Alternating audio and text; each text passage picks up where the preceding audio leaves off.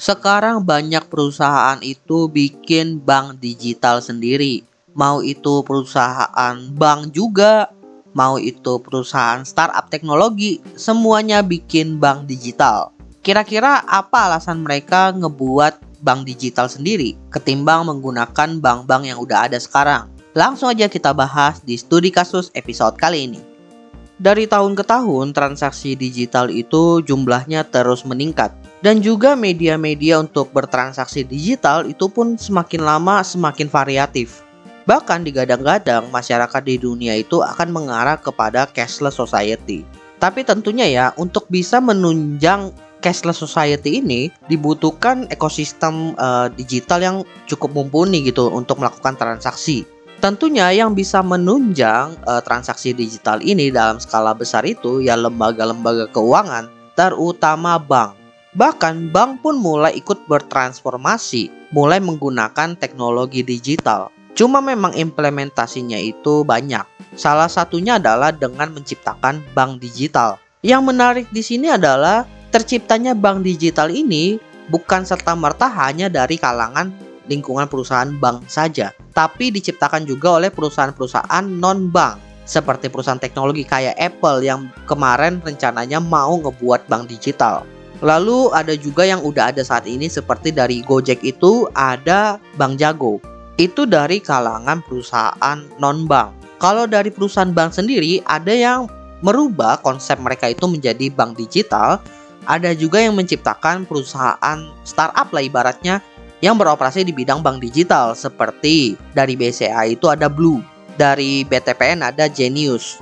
Dari semua action ini yang berujung kepada terciptanya bank digital, pertanyaannya muncul. Kira-kira apa alasan perusahaan-perusahaan tersebut mau teknologi, mau perusahaan bank mulai menciptakan bank digital mereka sendiri? Langsung aja kita bahas ke beberapa alasan dan kemungkinannya. Yang pertama adalah karena mereka itu ingin menjangkau market yang lebih muda. Di mana market yang lebih muda ini tentunya mengarah kepada generasi milenial ke atas. Intinya generasi-generasi yang memang mereka itu sudah familiar dengan teknologi digital. Alasan ini tentunya lebih cocok kalau kita sandingkan dengan perusahaan-perusahaan yang memang saat ini itu bergerak di bidang perbankan di mana mereka itu udah beroperasi cukup lama dengan sistem yang udah lama dan memang targetnya itu adalah generasi yang lebih tua. Yang memang generasi-generasi yang lebih tua ini jumlah transaksi digitalnya itu bisa dibilang sangat sedikit. Berbeda dengan generasi yang lebih muda yang memang semakin lama ini jumlah transaksinya semakin meningkat karena bukan cuma perkembangan teknologi yang semakin pesat juga, tapi memang jumlah pendapatan dari si generasi muda ini pun yang mulai meningkat. Karena memang ini adalah usia produktifnya generasi tersebut. Dan semua bisnis pun tahu bahwa untuk mendapatkan uang lebih banyak, mereka harus bisa menargetkan generasi yang jauh lebih produktif dari segi penghasilannya. Dan biasanya cara yang dilakukan oleh bisnis-bisnis tersebut adalah rebranding atau enggak menciptakan brand baru. Dan hal itu pun tidak terkecuali dari bisnis perbankan, di mana memang mau nggak mau untuk bisa menjangkau target pasar yang lebih baru ini, mereka harus menciptakan sebuah ekosistem bank yang sesuai dengan mereka, yaitu bank digital. Pertanyaannya kenapa mereka nggak ngubah aja bank yang existing menjadi bank digital? Jawabannya adalah karena sistem yang saat ini berjalan itu tentunya udah sangat besar. Dan kalau ngubah, bisa saja mengganggu operasional dari bisnis yang berjalan dan tentunya hal itu merugikan dari sisi bisnis banknya itu. Dan juga biasanya dari segi cost untuk merubah sistem yang lama ke sistem yang baru itu lumayan gede dan nggak tahu tuh kira-kira berjalannya bakalan kapan. Karena pasti akan banyak penyesuaian. Daripada melakukan penyesuaian yang bisa berdampak kepada perjalannya operasional, mending bikin perusahaan bank digital yang baru aja di mana benar-benar mulainya dari scratch. Makanya banyak bank yang akhirnya menciptakan brand bank digital mereka sendiri. Alasan kedua, karena untuk melakukan integrasi itu jauh lebih mudah.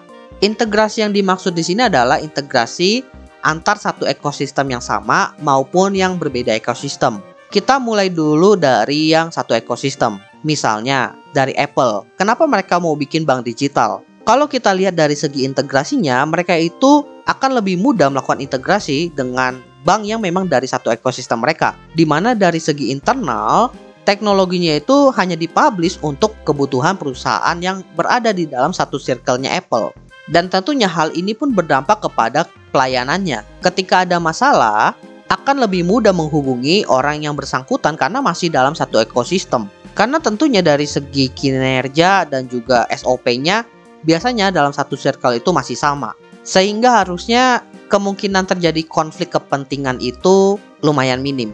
Berbeda dengan yang kalau di luar ekosistemnya atau berbeda ekosistem.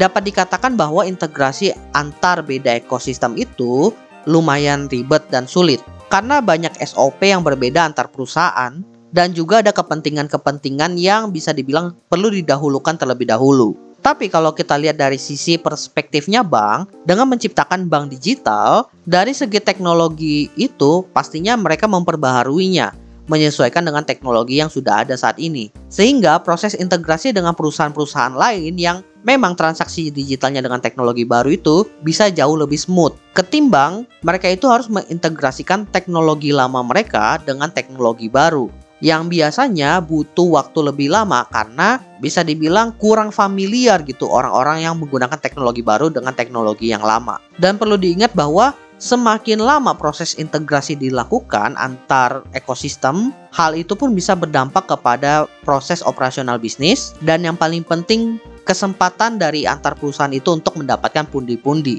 Karena kan ekosistem belum siap, berarti mereka belum siap untuk mendapatkan ceruk uang. Jadi ya bisa dibilang sayang aja sih kalau kelamaan integrasinya. Kemudian alasan ketiga yaitu mengurangi dependensi dengan ekosistem lain. Di alasan sebelumnya gue udah bilang bahwa kalau integrasi dengan ekosistem yang berbeda ada kepentingan-kepentingan yang harus didahulukan terlebih dahulu. Artinya ketika sebuah perusahaan ingin melakukan action tertentu yang membutuhkan kolaborasi dengan ekosistem yang lain, mereka perlu persetujuan perlu ada respon dari perusahaan yang lain, ekosistem yang lain. Dan tentunya ini perlu waktu, perlu effort. Kalau misalnya tidak disetujui berarti action tersebut tidak bisa dilakukan. Itu ketergantungan yang pertama. Kalau seandainya action tadi disetujui oleh ekosistem yang berbeda tersebut, pertanyaannya adalah ketika terjadi masalah, di mana ekosistem yang bermasalah itu adalah ekosistem di luar handle dari perusahaannya. Artinya perusahaan A ini perlu menunggu action dilakukan oleh perusahaan B untuk membetulkan ekosistem mereka terlebih dahulu. Di mana ketika mereka menunggu perbaikan tersebut, perusahaan A nggak bisa melakukan apa-apa, nggak bisa melakukan action apa-apa, karena mereka bergantung kepada si perusahaan B. Dan ketergantungan yang ketiga bisa dibilang bahwa dalam proses integrasi ini ada fee yang perlu dibayar. Dan biasanya fee yang dibayar ini berdasarkan transaksi yang masuk melalui action tersebut. Makanya banyak perusahaan itu akhirnya menciptakan bank digital mereka sendiri di dalam satu ekosistem untuk mengurangi dependensi dengan ekosistem yang lain. Ketika terjadi masalah, mereka bisa langsung fixing sendiri dengan cepat. Ketika ada action yang pengen diambil yang berhubungan dengan bank digital mereka, tektokannya jauh lebih cepat karena dari segi manajemen masih sama. Dan yang paling penting dari segi fee itu bisa diatur menyesuaikan dari kebutuhan ekosistem mereka. Sehingga bisa dibilang dari segi keuntungan ya uangnya balik ke mereka-mereka lagi. Jadi ketimbang dibilang dependensi lebih kepada hubungan mutualisme. Alasan yang keempat, mereka ingin mendapatkan data user. Mungkin ini lebih cocok kepada perusahaan yang non-bank. Di mana memang perusahaan yang berasal dari non-banking itu mereka kesulitan untuk mendapatkan data transaksi yang menyangkut data-data sensitif seperti nomor rekening atau enggak nomor kartu kredit, di mana data ini biasanya dipegang oleh pihak bank. Berbeda kalau seandainya mereka itu memiliki bank digital di dalam satu ekosistem mereka, di mana ketika user itu melakukan transaksi dengan bank digital mereka, data yang mereka dapatkan itu jauh lebih lengkap dan tentunya fungsinya untuk apa? Untuk menciptakan fitur-fitur baru dan juga pengalaman pengguna yang lebih terpersonalisasi. Karena kita tahu lah sekarang itu yang penting bukan cara bagaimana perusahaan itu mendapatkan uang aja, tapi bagaimana perusahaan itu bisa mendapatkan data dari user sebanyak mungkin. Jadi bisa dibilang kehadiran bank digital ini untuk melengkapi data yang mereka punya saat ini. Dan alasan yang terakhir adalah karena mereka itu ingin mendapatkan pendapatan baru dari bisnis keuangan. Seperti yang teman-teman tahu bahwa bank digital itu masuk ke dalam sektor keuangan. Sebuah sektor yang perputaran uangnya itu kencang banget. Dan dengan kehadiran bank digital ini mungkin kalian berpikir bahwa mereka mendapatkan pendapatan itu dari biaya admin bank atau enggak biaya admin ketika mereka melakukan transaksi di dalam satu ekosistem mereka. Jawabannya sih enggak. Mereka bisa mengeluarkan produk-produk keuangan lainnya. Seperti yang belum lama ini Apple kan dia bilang mau bikin bank digital. Tapi mereka juga udah berencana untuk mengeluarkan kartu kredit Apple sendiri. Di mana ini adalah salah satu sumber pendapatan lain buat mereka dan nggak menutup kemungkinan bank-bank digital lainnya melakukan hal serupa, entah mengeluarkan kartu kredit, mengeluarkan produk KPR, mengeluarkan produk KTA, atau produk B2B yang berkaitan dengan keuangan seperti pay on demand atau istilah Indonesianya itu gajian on demand. Jadi ya bisa dibilang dengan kehadiran bank digital ini menambah kemungkinan penghasilan buat perusahaannya. Jadi ya siapa yang nggak tertarik untuk bikin bank digital? Jadi itulah beberapa alasan mengapa banyak perusahaan itu memutuskan menciptakan bank digital mereka sendiri. Menurut teman-teman apakah alasan-alasan tersebut masuk akal atau justru menurut kalian itu agak klise dan aneh? Kalau buat gue sendiri, menurut gue sih ini masuk akal aja karena memang itu adalah cara perusahaan-perusahaan tersebut untuk bisa survive dan juga mengembangkan bisnis mereka ke arah yang lain. Jadi gue mewajari aja kalau nantinya bakalan banyak bank-bank digital yang diciptakan oleh perusahaan-perusahaan yang non-banking maupun dari banking juga. Sebelum menutup episode ini, ada info menarik nih buat teman-teman Opsiana. Jadi Opsiana baru aja merilis episode spesial VIP di aplikasi Noise loh. Episode VIP ini akan membahas perjalanan gue dalam melunasi hutang ratusan juta, kemudian belajar memahami apa itu hutang sebenarnya, sampai belajar hidup bebas dari hutang. Kalau kalian tertarik bisa langsung cek Opsiana Podcast Debt Free Debt di Noise ya.